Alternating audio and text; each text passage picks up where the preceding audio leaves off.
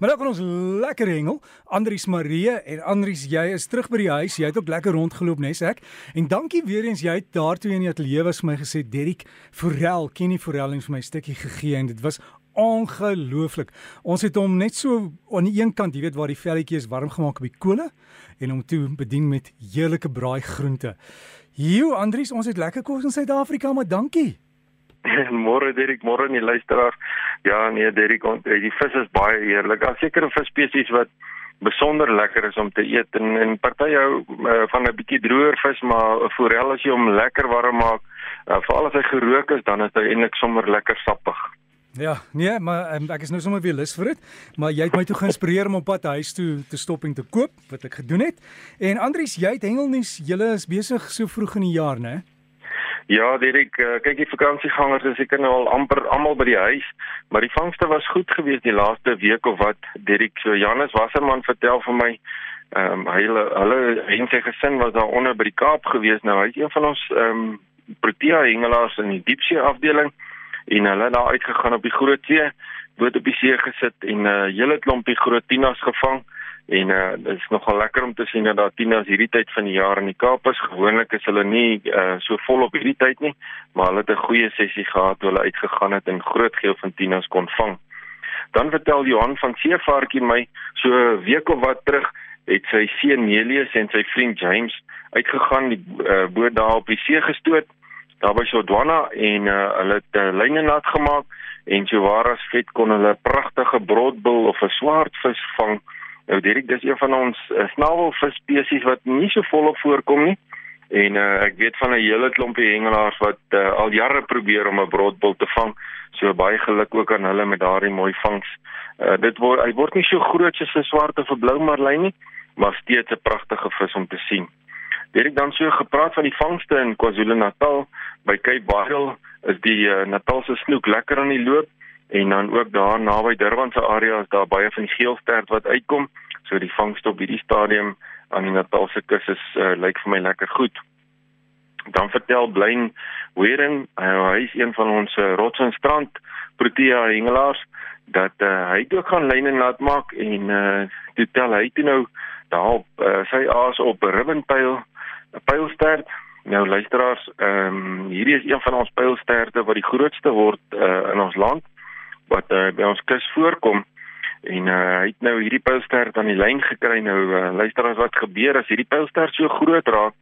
Sy vlerke wat hy dan nou het gebruik hy om in die seestrome te swem. En uh, as jy nie ervare hengelaar is nie gaan hy gou-gou jou katrol leegmaak en dan moet jy vashou of hy vat jou visstok saam. So wat gebeur is hy gebruik dan die seestrome om dan te veg en as jy ervare genoeg is en jy kry sy kop gedraai dan hou hy op om weg te swem en dan duik hy sand toe. Derek dan gaan lê daai groot pylstert op die sand en wat hy doen is die waterkolom wat dan nou daar in die see is, druk hom dan vas op die sand en dan moet jy jou rug, jou bene, jou arms, alles gebruik om daai pylstert weer van die sand af te lig en voordat jy hom dan nou weer uit die see uit kan kry. So dis 'n groot geveg as jy een van hierdie groot pylsterte aan die lyn kry.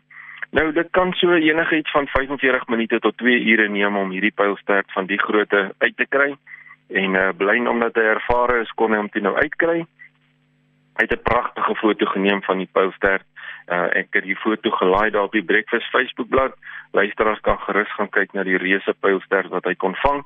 Uh, hy het hom weer vir uh, mooi teruggeplaas in die see nadat hy die foto geneem het sodat die uh, pylstert weer kan voortgaan met sy broeisiklusse.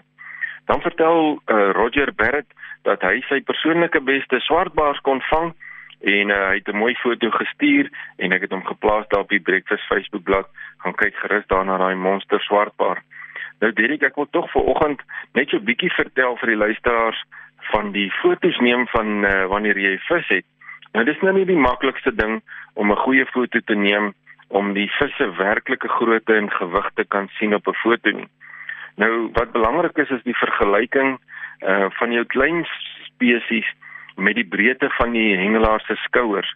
Dan kan 'n mens maklik die lengte van daardie vis uh sien en dan ook sy grootte kan uh kry. En dan kan 'n mens ook kyk na die posisie van die persoon se arms, is dit uitgestrek of hou hy dit naby nie aan sy lyf? En dan die grootte van die persoon se hand teenoor die mond of bek van die vis Dit help ook baie en dan ook sy vinne teenoor die hande en vingers help ook baie om te kan sien of dit 'n groot vis of nie is. En dan natuurlik as jy die vis kan plaas uh naby die visstok, dan help dit ook om die lengte van die vis te kan skat. So wanneer 'n mens uh so 'n foto neem, is die proporsie van die vis teenoor die mens baie belangrik uh om so te kan sien of dit 'n groot vis is of nie. So slegs gesoute en ervare hengelaars sal sommer van enige foto af 'n uh, akkurate uh, gewig of lengte van 'n vis kan skat. Wanneer dit 'n lang vis is, dan moet jy die persoon laat regop staan dat jy hom in proporsie tot die persoon se lyf kan afneem. Anderster um, kan 'n mens nie regtig sien of 'n vis groot is of nie vir die uh, leuke se oog. So wanneer jy die vis afneem, hou die vis maar mooi vas en uh plaas die kamera in so 'n posisie dat die proporsie van die foto reg geneem is, dan kan 'n mens die werklike grootte van 'n vis waardeer. So wat gebeur het met Roger kan 'n mens sien met sy hand uh by die bek van die bass, is baie groot bass wat hy vashou en natuurlik sy tweede hand wat hom help om sy arms uitgestrek te kan hou uh beteken dat daardie vis redelik swaar was wat hy vasgehou het vir sy foto. So baie dankie vir daai mooi foto. Dan vertel uh Rudolf Venter dat hy en sy pa Bernard Venter, hulle het so 'n bietjie die boot gaan uh op Doringdraaidam sit. Hulle het gaan swartbaard daar vang. Nou hulle twee is ook Protea hengelaars en hulle kon 'n hele klompie van daai swartbaars vang van Doringdraaidam. Ek het 'n paar foto's by Rudolf gekry en ek het dit ook gelaai op die Breakfast Facebookblad is pragtige swartbaars wat hulle daar kon vang. Derek, ek het 'n vorige keer al vertel van Sterkfonteindam. Nou sterkies soos wat ons hom noem, is baie bekend vir sy goue geelvisse wat daar voorkom. En uh een van ons uh, beste en mees professionele uh, hengelgis, veral vlieghengelgis, is 'n uh, uh, baie baie goeie vriend van my. Nou hy vat die kliënte uit soontoe en dan gaan wys hy hulle en leer hulle hoe om daai geelvisse te kan vang. Nou wat gebeur het, ou maak hierdie en die kliënte uitgevaar die laaste 2 weke met die vliegstokke en hulle kon regtig 'n paar mooi groot ehm um, geelvisse vang. Nou uh, ek gaan die foto's laai daar op die Breakfast Facebookblad.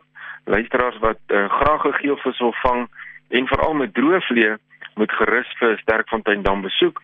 Daar's baie baie mooi geelvisse wat 'n mens daar kan vang. Dit is dan die komende week is die begintyd vir ons kompeterende hengelseisoen.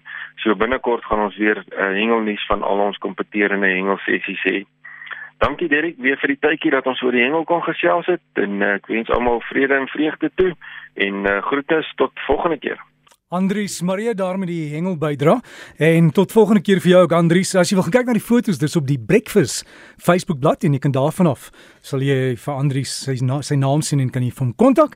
En dalk het jy hengel nuus stuur vir hom anders kan jy net e-pos na hengel by rsg.co.za